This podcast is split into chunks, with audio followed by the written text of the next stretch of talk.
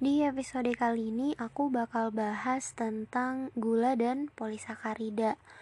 Hmm, secara garis besar, materi gula dan sakarida itu ada monosakarida, polisakarida, dan glikoprotein.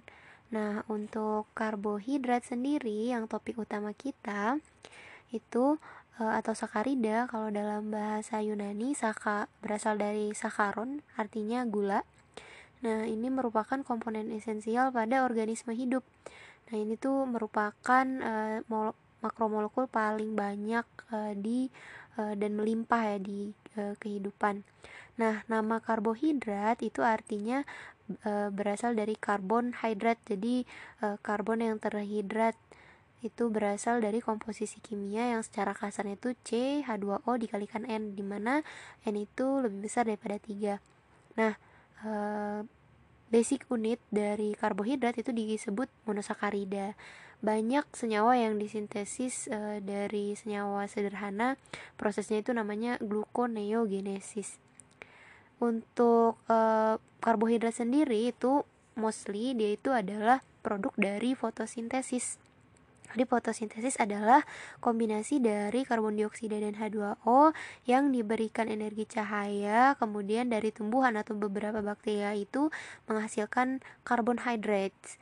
Nah, meta, e, proses metabolik dari karbohidrat akan menghasilkan energi yang digunakan untuk proses biologinya.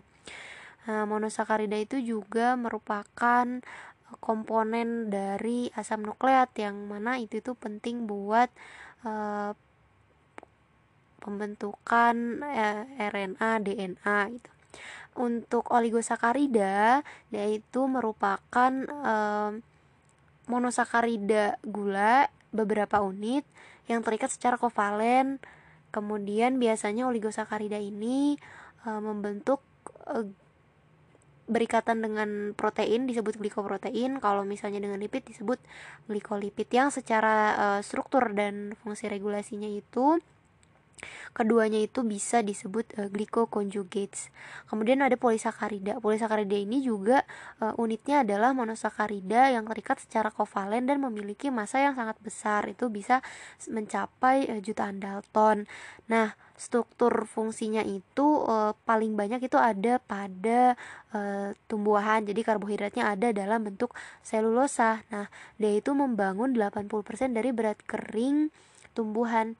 Nah, untuk polisakarida seperti pati itu berasal dari tumbuhan. Kalau glikogen dia di hewan, dia itu menyediakan uh, simpanan energi untuk uh, tumbuhan dan hewan tersebut. Nah, yang spesial dari karbohidrat ini dengan makroma dari makromolekulnya, karbohidrat ini enggak e, bukan merupakan tipe e, yang bisa diamati dari e, analisis genetikanya nggak kayak protein atau asam nukleat karena sekuensinya itu tidak e, secara genetik terspesifikasi dibangunnya gitu tapi e, dia juga tapi dia tetap punya e, enzim spesifik untuk reaksi-reaksinya Nah, makanya diskusi kali ini aku akan mulai membahas tentang berbagai struktur struktur, aspek kimianya, fungsi karbohidrat dan lain-lain. Oke, yang pertama adalah monosakarida. Jadi, monosakarida itu adalah gula paling sederhana. Dia yang gugus fungsinya itu ada aldehid atau keton. Jadi, eh, karbohidrat ini untuk jenis monosakarida merupakan turunan dari suatu rantai lurus polihidroksi alkohol yang mengandung setidaknya itu e, ada tiga karbon atom. Nah, contohnya itu itu yang paling e, sering kita kenal adalah D-glukosa itu adalah contoh untuk gugus fungsi aldehid dan D-ribulosa untuk yang gugus fungsinya adalah keton. Untuk klasifikasi monosakarida, dia itu bisa diklasifikasikan berdasarkan gugus fungsinya dan berdasarkan jumlah atom C yang menyusunnya. Untuk uh, gula itu biasanya diberikan sufiks osa. Nah, makanya kalau misalnya gugusnya aldehid disebut aldosa. Kalau misalnya keton disebutnya ketosa. Nah, kalau misalnya klasifikasi berdasarkan jumlah atom, dia disebutnya contohnya misalnya atom karbonnya ada tiga jadi triosa bisa juga uh, untuk 4 tetrosa, 5 pentosa, 6 heksosa, 7 heptosa. Nah, istilah-istilah ini tuh bisa digabung gitu dari klasifikasi berdasarkan gugus fungsi dan klasifikasi berdasarkan jumlah atom karbon pada senyawa karbohidrat. Contohnya nih ada aldoheksosa, berarti kita tahu kalau dia memiliki gugus fungsi aldehid dan memiliki jumlah atom karbon 6 dari heksa. Nah, kalau misalnya atom karbon pada karbohidrat dia ini mempunyai suatu uh, yang spesial yaitu dia memiliki pusat kiral atau se kiral center gitu. Yang mana uh, seluruh atom C kecuali C1 dan C6 itu dia kiral.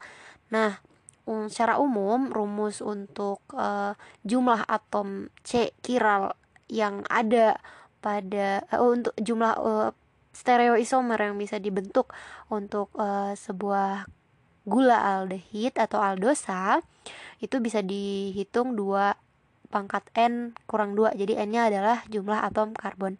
Nah untuk uh, gugus fungsinya aldehid atau gula aldosa dia itu bisa dihitung uh, dengan rumus. Jadi stereoisomernya jumlahnya ada dua pangkat n dikurangi 3 Nah, ini ada beberapa banyak jumlah e, karbohidrat itu dari yang paling sederhana contohnya gliseraldehid sampai yang jumlah C-nya ada 6 yang paling umum ya. Ada glukosa, manosa, gulosa, idosa, galaktosa dan lain-lain sebagainya. Nah, gula itu punya konfigurasi yang spesial, jadi banyak itu. Kadang cuma dibedakan berdasarkan epimer. Jadi epimer itu adalah atom karbon yang cuma berbeda uh, stereoisomer dari salah satu atom karbon yang bukan anomer. Nah, jadi uh, beda konfigurasinya itu bisa menyebabkan sifat yang sangat beda. Contohnya nih ada glukosa dan galaktosa yang hanya berbeda di epimer atau atom karbon nomor 4 dan itu sifatnya udah beda banget. Nah, untuk struktur lebih jelasnya bisa dibuka aja buku Voet uh, halaman 361 mengenai struktur-struktur dan uh, berbagai konfigurasi dari gula monosakarida. Nah, untuk uh, gula sendiri, dia ini kebanyakan ya kita menggunakan proyeksi uh, Fisher atau Howard. Jadi Fisher itu yang rantainya lurus, yang kayak kaku kaku-kaku gitu, garis-garis. Kemudian Howard itu yang bentuknya siklik. Nah, pada umumnya bentuk yang ada di e, alam itu biasanya merupakan konfigurasi kursi dari si gula ini. Jadi bukan Howard atau Fisher gitu. Tapi mereka bisa mengalami suatu kesetimbangan. Jadi ketika terjadi solvasi yang ada pada bentuk e, air larutannya adalah dalam bentuk konfigurasi kursi. Jadi hmm, yang terjadi uh, dia bisa memiliki berbagai uh, bentuk uh, dari yang linear sampai yang siklik. Yang spesial dari uh, karbohidrat monosakarida ini adalah pada CA nomornya dia bisa bentuk alfa atau beta. Untuk alfa ketika dia dalam bentuk siklik berarti uh, hidroksi dari C anomer ada di bawah. Sedangkan uh, untuk beta hidroksi dari C anomer ada di atas. Pada gula sendiri dia tuh bisa mengalami mutarotasi nah jadi contohnya nih kalau di glukosa itu bentuk ketika dia berbentuk kristal untuk alfa D glukosa dan beta D glukosa itu beda jadi ada yang uh, yang untuk alfa 112,2 derajat uh, perputaran optisnya. Sedangkan untuk beta 18,7 derajat. Nah, ketika dia dimasukkan dalam air, dia akan mengalami mutar rotasi. Jadi bentuk yang ada putaran optisnya itu 52,7 derajat. Nah, ini merupakan gabungan dari gula-gula alfa dan beta yang udah dilarutin dalam sebuah uh, pelarut air misalnya. Nah, uh, nanti dari uh, op putaran optis yang terukur itu kita bisa menentukan uh, komposisi dari bentuk alfa dan bentuk beta dari gula tersebut. Hmm, mungkin ada tambahan lagi untuk struktur gula. dan konformasinya bisa dipelajari uh, di void buku void 363 Oke, selanjutnya ada turunan dari gula. Uh, turunan dari gula itu biasanya dibentuk dari monosakarida-monosakarida yang uh, berikatan satu sama lain. Nah, ikatannya itu disebut dengan ikatan glikosidik. Nah, ikatan glikosidik itu biasanya menghubungkan sebuah karbon anomerik uh, ke asetal oksigennya itu disebut ikatan glikosidik dengan atom kar, as oksigen asetal lain dari uh, monosakarida yang lain. Nah, jadinya untuk hidrolisis dari ikatan glikosida untuk membuat bentuk-bentuk ikatan ini putus itu disebutnya glikosidase. Nah, jadi uh, sifat enzim yang spesifik untuk memecah ikatan antara monosakarida membentuk polisakarida. Jadi kalau pada uh, pH basa atau netral dia itu uh, glikosidik ikatan ikatan glikosidiknya itu stabil. Dia tidak mengalami mutar rotasi seperti monosakarida. Untuk gula sendiri dia bisa mengalami oksidasi reduksi. Jadi dia bisa uh, gula itu disebut juga beberapa gula yang bisa mengalami oksidasi disebut gula pereduksi. Jadi bisa mengalami uh, reaksi reduksi oksidasi dengan beberapa reagen. Salah satu reagen yang dapat mengoksidasi gula adalah tolen yaitu Ag+.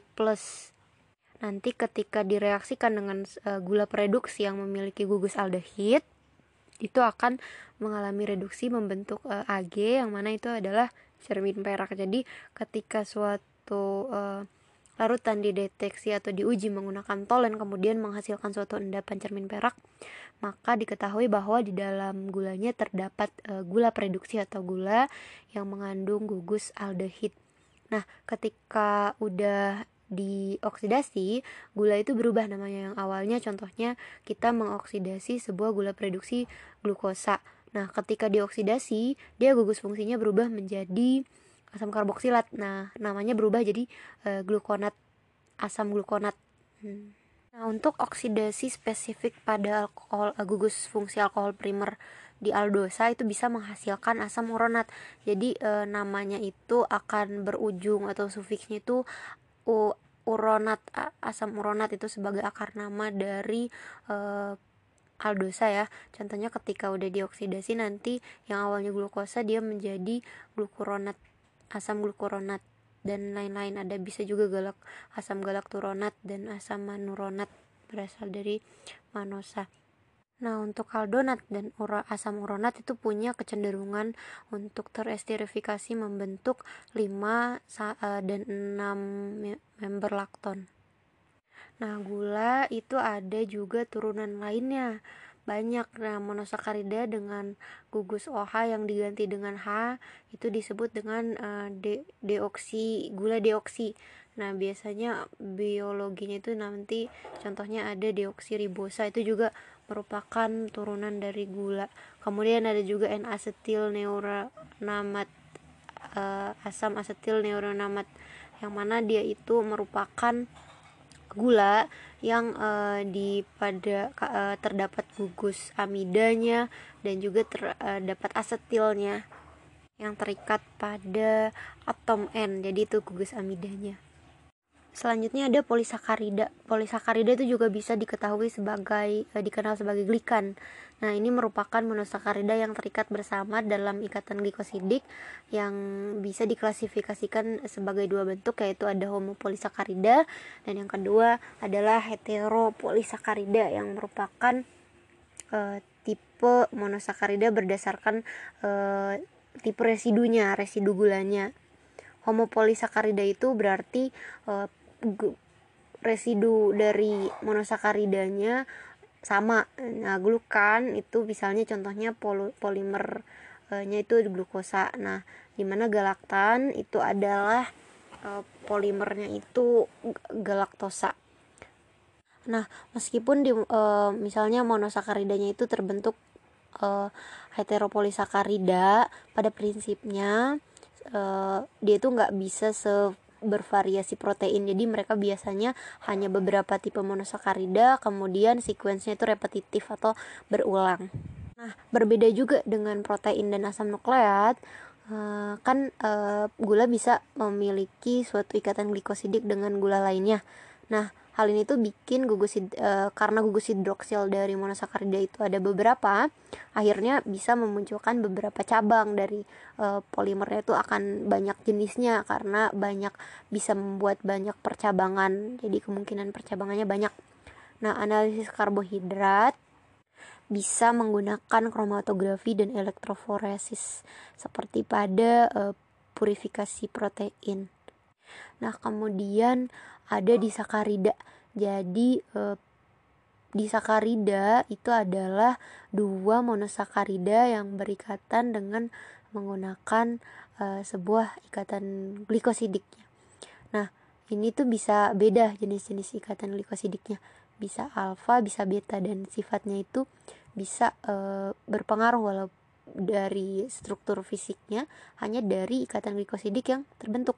Ini ada contohnya ada di sakarida sukrosa terbentuk dari glukosa dan fruktosa yang terikat uh, pada uh, satu uh, dua uh, alfa ya jadi uh, dia itu ikatannya di bawah kemudian terbentuk dari CA nomor nomor satu glukosa dan C, anom, C nomor 2 dari fruktosa itu untuk sukrosa.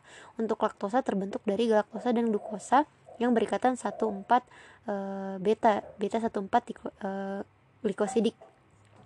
Kemudian ada maltosa. Maltosa terbentuk dari e, glukosa dan glukosa juga yang terikat e, dengan ikatan alfa 14 e, glikosidik. Nah, kalau misalnya kita lihat itu maltosa sama sukrosa sama-sama memiliki e, e, maltosa dan selobiosa itu sama-sama memiliki monomer glukosa glukosa. Tapi kalau maltosa itu ikatannya alfa 14 glikosidik. Kalau misalnya selobiosa itu beta 14 glikosidik.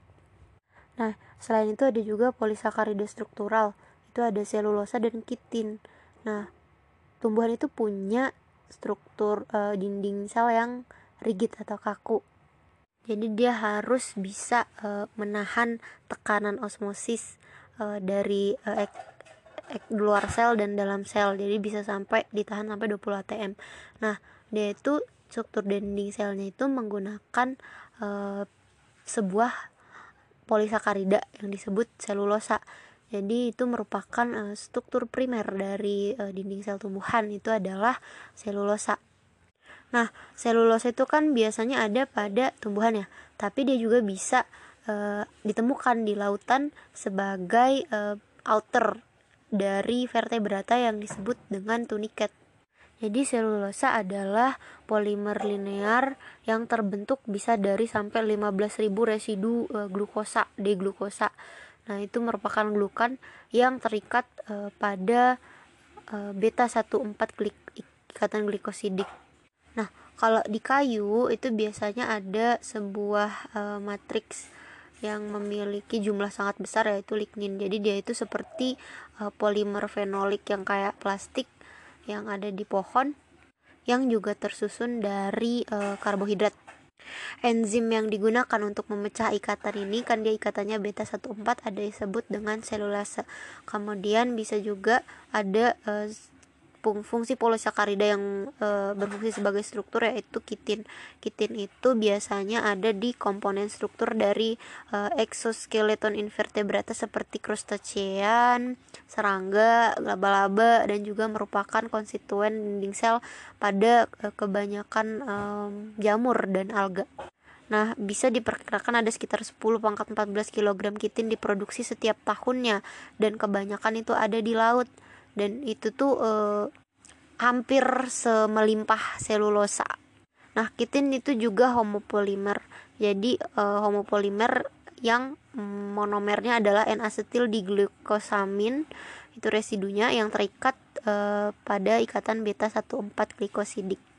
Jadi bedanya dengan selulosa itu cuma di C nomor 2 e, gugus UH-nya itu diganti dengan asetamido Nah, kemudian polisakarida juga bisa uh, digunakan sebagai fungsi penyimpanan energi. Nah, ini ada uh, pati dan glikogen.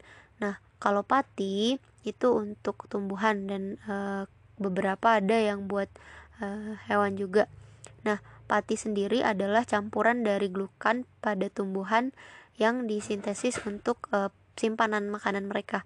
Biasanya disimpan dalam uh, sitoplasma sel dan sebagai granul yang tidak larut.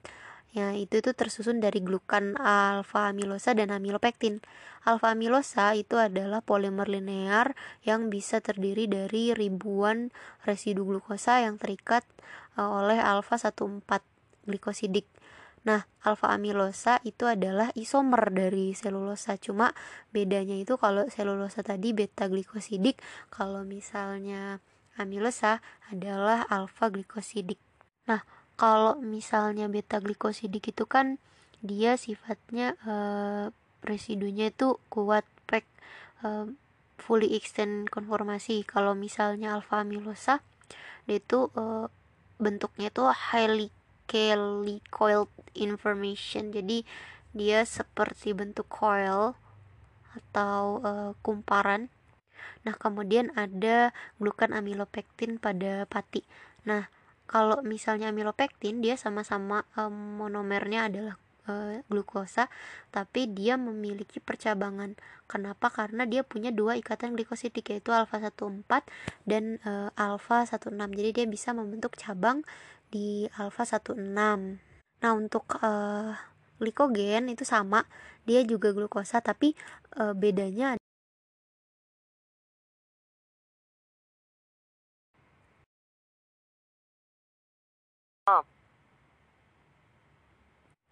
kalau misalnya uh, glikogen dia itu cabangnya itu ada sekitar dari uh, residu ke 12 eh, ke 8 sampai 12 kalau misalnya untuk amilopektin dia cabangnya itu ada di dari residu ke 24 sampai 30 residu rata-ratanya baru muncul cabangnya. Nah, kemudian uh, pati itu dicerna dalam tubuh itu melalui berapa fase ya. Yang pertama, jadi pati kan memiliki um, polisakarida amilum, amila, amilas, amilosa dan amilopektin. Nanti dia itu bisa dicerna di dalam mulut dengan menggunakan enzim alfa amilase yang memotong ikatan glikosidik alfa 14 tapi dia belum terlalu uh, bisa terpecah. Kemudian nanti di lambung pada kondisi asam dia akan mengalami hidrolisis juga. Nah biasanya yang dari e, ribuan panjang monosakarida itu kepotong bisa sampai 8 nah e, pada lambung dia alfa amilase kan e, sifat asam dia tidak bekerja enzimnya. Jadi yang menghidrolisis adalah si asamnya. Kemudian ketika masuk ke dalam pankreas dia juga terdapat enzim alfa amilase yang mirip sama yang ada di mulut yang kemudian bisa memotong-motong uh, mono, polisakaridanya menjadi campuran disakarida maltosa, trisakarida maltotriosa yang mengandung uh, 3 alfa 1 4 ikatan glikosidik Kemudian ada oligosakarida yang disebut dengan dextrin yang masih mengandung alfa 16 cabangnya. Nah, oligosakarida ini bisa dihidrolisis menggunakan enzim yang khusus juga. Kemudian pada e, mukosa itu alf, ada enzim alfa glukosidase yang bisa meremove satu residu glukosa pada satu waktu dari oligosakarida dextrin yang mana dia itu menghidrolisis alfa 16 dan alfa 14 glikosidik. Kemudian ada enzim sukrase yang uh, pada untuk pada anak kecil juga ada enzim laktase. Anak kecil atau yang masih balita atau bayi. Nah kemudian nanti monosakaridanya ini setelah dicerna dihidrolisis dia bisa diserap oleh usus dan kemudian ditra ditransportkan ke aliran darah Nah, kalau glikogen seperti yang tadi aku bilang dia itu merupakan e, patinya untuk e, hewan ya di mana untuk memecah e, glikogen itu menggunakan sebuah enzim glikogen fosforilase yang mana dia itu bisa memecah glikogen uh, ikatan alfa 14 nya men menghas nanti menghasilkan glukosa satu fosfat glikogen ini kan banyak banget ya cabangnya. Itu tuh supaya mobilisasinya itu lebih cepat. Karena dibutuhkan uh, metabolisme. Untuk dimutabolisme energinya itu harus cepat juga. Kemudian selanjutnya pada polisakarida ada namanya glikosaminoglikan nah pada e, bagian ekstraseluler itu kita punya e, banyak jaringan ya seperti kartilage, tendon, kulit, e, pembuluh darah, e, dinding pembuluh darah itu tuh mengandung kolagen dan fiber elastin. Nah, ini tuh dibentuk juga sama uh, dari polisakarida yang disebut glikosaminoglikan. Nah, jadi glikosaminoglikan ini adalah uh, repetitif dari uh, deglukuronat dan N-asetil deglukosamin yang mengalah uh, yang bentuk uh, polimer ya. Nah, ini tuh dari uh, glikosaminoglikan ini dia juga akan menghasilkan beberapa jenis uh, karbohidrat. Ada hyaluronat, asam hyaluronat, kemudian ada kondroitin sulfat, ada dermatan sulfat, ada keratan sulfat, ada heparin. Nah, ini tuh semuanya membentuk uh, sebuah jaringan, jaringan yang ada di ekstraseluler. Jadi, selanjutnya ada glikoprotein. Nah, sampai tahun 1960, karbohidrat itu uh, dikiranya para ilmuwan itu cuma berdiri sendiri gitu. Padahal uh, kemudian ditemukan kalau misalnya pada banyak uh, sel eukariotik proteinnya itu bisa berikatan dengan uh, sebuah karbohidrat. Jadi disebutnya adalah glikoprotein yaitu protein yang uh, terasosiasi dengan karbohidrat. Glikoprotein itu uh, punya banyak jenis karbohidrat bisa kurang dari satu persen sampai lebih dari 90% beratnya. Nah, dia itu terjadi di semua bentuk kehidupan dan punya fungsi di e, banyak aktivitas protein dari enzim, transport protein, reseptor, hormon dan e, protein struktur. Nah, karbohidrat ini punya beberapa e, biologis peran biologis yang mana dia ini e, juga bisa berkolaborasi dengan berbagai molekul makromolekul yang lainnya. Nah, sama kayak protein protein-protein yang lainnya, glikoprotein itu juga e, disintesis berdasarkan kontrol genetik. Nah, tapi untuk glukosa yang terikat pada proteinnya itu tidak e, berdasarkan template dari asam nukleat. Nah, proses enzimnya itu juga berbeda untuk protein dan glukosa yang terikat pada satu e, molekul. Nah, yang pertama mau dibahas yaitu ada proteoglikan. Jadi ada protein dan glikosaminoglikan yang berada uh, pada keadaan dasar. Nanti ini ada pada uh, sel epitel dari uh, mol dari dari organisme. Proteoglikan itu merupakan uh, core protein yang punya satu rantai glikosaminoglikan.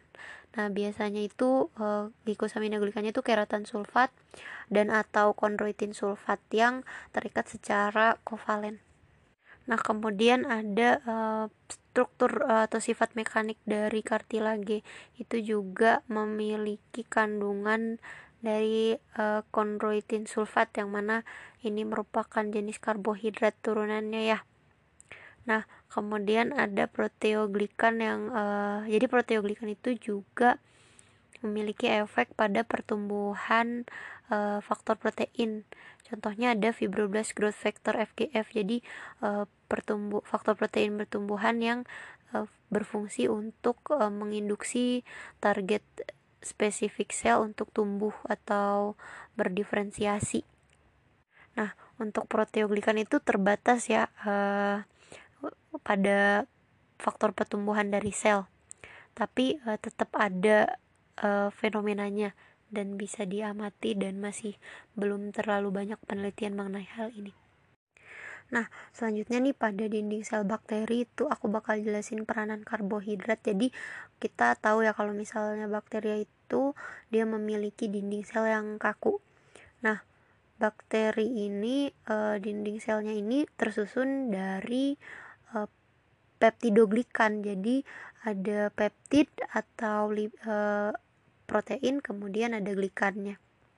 Nah kalau misalnya uh, bakteri itu kan bisa menimbulkan penyakit ya. Kita itu bisa mengelisitasi uh, bakteri yang pada hewan itu dengan menginjeksinya itu dari dinding selnya. Nah, untuk klasifikasi dari dinding sel ini ada e, bakteri gram positif dan bakteri gram negatif.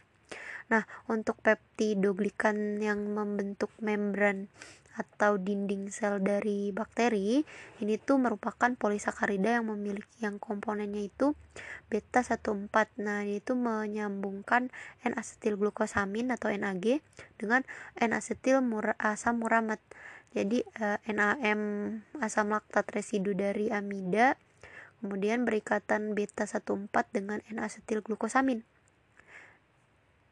nah untuk eh, asam amino D dari peptidoglikan itu kadang-kadang dia itu resisten uh, kepada enzim protease. Tapi ada namanya isozyme. Jadi enzim yang ada di air mata di lendir di dan beberapa bagian dari sekresi vertebrata dia itu bisa mengkatalisis hidrolisis menghidrolisis uh, mengkatalisis reaksi hidrolisis dari pemutusan ikatan glikosidik beta 14 antara 6 dan NAC yang ada pada membran sel bakteri. Nah, treatment ini yang diberikan pada gram e, bakteri gram positif dengan isozyme. Jadi dia bisa mendegradasi dinding selnya dan menghasilkan lisis. Nah, untuk bakteri gram negatif, dia itu resisten terhadap degradasi isozyme. Kemudian selanjutnya pada tahun 1922 lisozam itu ditemukan oleh seorang bakteriologis Alexander Fleming yang dia menyadari kalau misalnya uh, kultur bakteria ini bisa uh, lar larut dalam mukus atau lendir yang ada di hidung kita itu itu adalah yang ada di uh, saluran tenggorokan kita di mana uh, Fleming itu berharap kalau lisozam itu bisa menjadi uh, antibiotik universal. Tapi masalahnya ini ternyata uh, secara klinis tidak efektif untuk melawan bakteri patogen karena uh, dan struktur dan mekanisme dari lisozam itu belum bisa mengatasi uh, dan efektif untuk menghidrolisis dinding sel bakteri gram negatif. Nah, kalau misalnya uh, penisilin sendiri itu caranya dia uh, menjadi antibiotik adalah dengan menghambat uh, sintesis dinding sel dari bakteri. Jadi si penisilin itu secara spesifik uh, terikat kemudian uh, dia menginaktifkan fungsi dari enzim yang menghasilkan strain peptidoglikan pada e, bakteri untuk menghasilkan dinding selnya.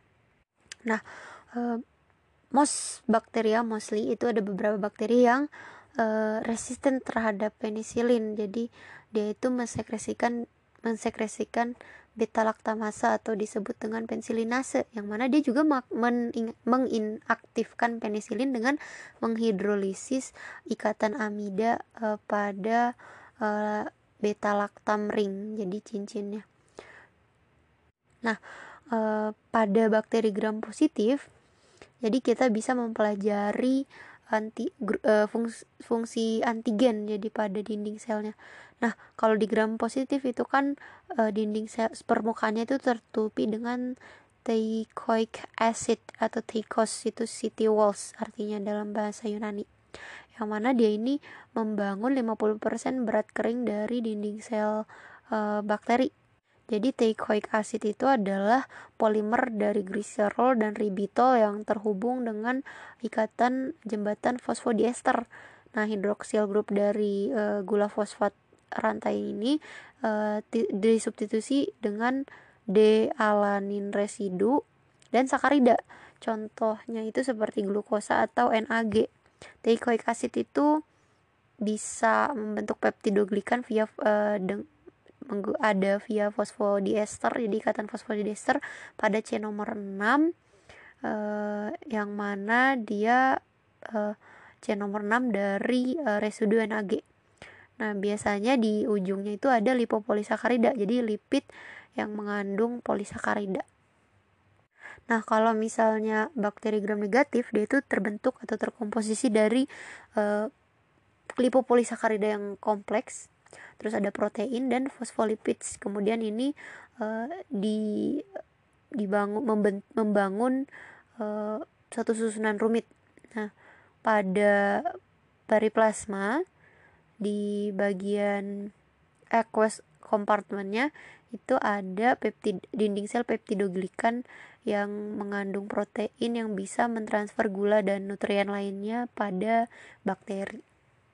Nah, dari sini tuh kita bisa tahu kalau bakteri gram negatif itu dia e, lebih tidak berpengaruh terhadap lysozyme dan penicillin yang as well as uh, antibiotik lain bi daripada uh, bakteri gram positif. Nah, kalau soalnya kalau misalnya di uh, permukaan bakteri gram negatif, dia itu dilindungi dengan sebuah polisakarida kompleks yang disebut dengan O antigen. Nah, ini bisa menjadi sebuah strain bakteri yang menjadi tanda unik bagi uh, bakteri ini gitu. Dan ini tuh bisa diamati strain uh, dan sifat patogenik dari O antigen. Apakah dia patogen atau misalnya dia non patogen nah selanjutnya ada fungsi glikoprotein uh, sebagai uh, glikoprotein karbohidrat rantainya itu yang uh, struktur dan fungsinya. Jadi dia ini memiliki uh, banyak sekali jenisnya. Dan ini tuh bisa dilihat uh, struktur-strukturnya. Aku tidak akan menjelaskan lebih lengkap karena dia lebih banyak uh, yang di, di strukturnya itu di halaman 379 buku Void nah kemudian selanjutnya glikoprotein juga bisa memiliki berbagai fungsi. Jadi fungsinya ada banyak. Jadi sel itu kan mensintesis uh, glikoprotein ya. Dia itu banyak sekali bentuknya. Dari uh, per diferensiasi itu bisa. Beda sequence-nya, beda lokasinya, beda jumlahnya uh, dan itu tuh terikat uh, membentuk oligosakarida. Contohnya itu ada ribonuklease B atau RNase B itu yang mana itu adalah enzim untuk uh, meng menghidrolisis karbohidrat ribosa yang ada pada RNA. Kemudian oligosakarida itu bisa membentuk suatu uh, interaksi interseluler dengan berbagai molekul-molekul di sekitarnya. Kemudian ada struktur dan fungsi glikoprotein. Nah, glikoprotein yang uh, karbohidratnya itu rantainya itu sangat-sangat beragam ya kalau misalnya ada di mayoritasnya itu ada ada dua ya ada dua jenis protein yang bisa terikat kepada oligosakaridanya ada N-link dan ada O-link kalau N-link berarti mm, membentuk ikatan amida N-glikosidik ya yang terikat uh, jadi NAG-nya itu terikat secara beta pada nitrogen amida dari asparagin. Jadi uh, untuk sequence-nya itu bisa asparagin X itu asam amino apa pun terus herin. Atau asparagin X atau uh, kemudian dilanjutkan treonin. X-nya ini bisa asam amino apa aja. Kalau O link berarti dia terikat pada uh, O oksigen ya. Berarti uh, untuk O link sendiri yaitu oligosakarida itu terikat pada O uh, dari asam amino, serin atau treonin. Nah, selanjutnya karbohidrat glikoprotein itu punya banyak fungsi ya dari masing-masing bentuknya tuh banyak banget fungsinya Nah, contohnya itu ada fungsi untuk karbohidrat glikoprotein O-link atau yang terikat pada O yang terikat pada asam aminoserin dan treonin. Contohnya ada mucins, mukins, yang mana itu adalah komponen protein yang ada di mukus atau membran mukus yang ada di saluran tenggorokan yang mana dia terikat O-link. Nah, dia ini memiliki sifat uh, viskoelastis yang bisa melindungi dan melumasi uh, membran mukus yang juga memproduksi mukins ini. Nah, dia ini bisa terdapat pada membran, bisa juga disekresikan. Dia itu kan tidak ter, tidak punya struktur sekunder ya. Dan dia itu akhirnya memiliki sifat yang e, lebih kaku. Makanya dia bisa e, memiliki sifat viskoelastik gel tadi. Nah, e, oligosakarida itu juga bisa jadi sinyal. Jadi kalau misalnya di sel-sel kanker, dia itu ada beberapa hmm, sel yang tidak uh, memiliki uh, agregat gula ya di dinding selnya. Sedangkan untuk yang normal biasanya dia punya. Jadi lebih jarang di bentuk sel kanker. Jadi itu bisa menjadi uh, sinyal dari dinding sel tersebut. Itu penandanya adalah karbohidrat atau glikoprotein yang menempelnya nah jadi itu pentingnya glikoprotein buat uh, pengenalan sel-sel. Jadi mediatornya itu kayak sinyal yang memberikan sinyal. Bisa juga buat uh, reseptor bakteri. Nah terus banyak uh, fungsinya untuk struktur struktur-struktur pada dinding sel. Mungkin uh, itu aja rangkumannya. Itu kira-kira untuk bagian gula yang dipelajarin tentang monosakarida, polisakarida, dan glikoprotein. Sampai situ aja karbohidrat.